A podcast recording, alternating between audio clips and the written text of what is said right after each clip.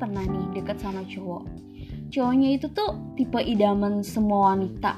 Pokoknya ala-ala opa Korea gitu deh. Dia udah tinggi putih kemudian dia ganteng abis itu dia mancung terus badannya tuh keker kalau dipeluk sama dia tuh kayak rasanya tuh anget nyaman gitu. Terus yang paling penting tuh dia tuh wangi sih. Bener nempel tuh wangi di badan lo. Pokoknya idaman lo, lo pada deh. Di situ tuh gue kayak nggak nyangka gitu kalau misalnya gue bakal deket sama dia.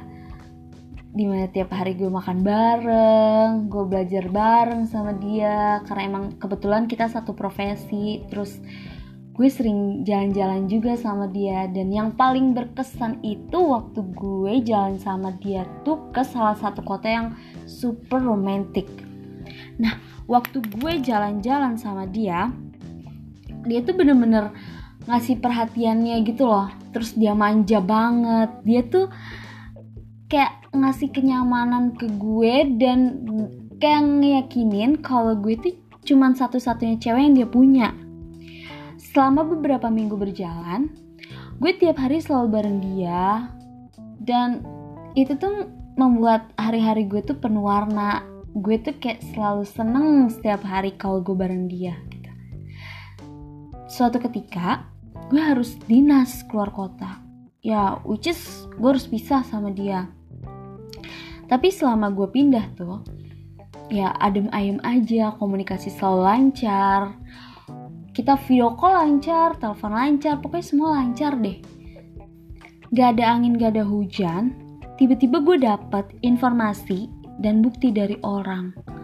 Kalau dia itu udah punya istri dan juga udah punya anak.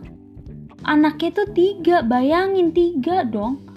Terus nih istrinya nih tampilannya tuh ala-ala ukti-ukti yang muslimah banget.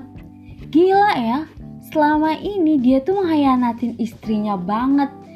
Di mana tuh istrinya tuh yang udah muslimah gitu. Dan gue yakin tuh pasti istrinya selalu doain dia ke mana pun dia pergi.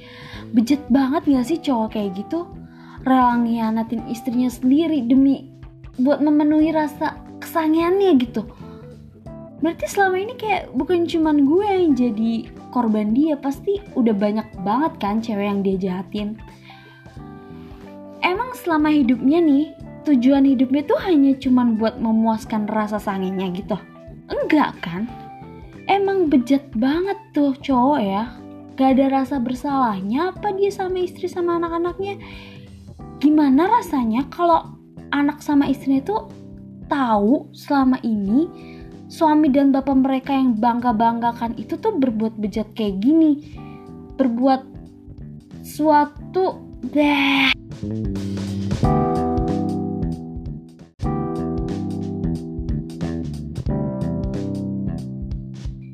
gimana ya kalau rasanya uh, istri sama anak-anak itu tahu bahwa selama ini suami dan bapak mereka yang dibangga-banggakan banget itu berbuat bejat kayak gini.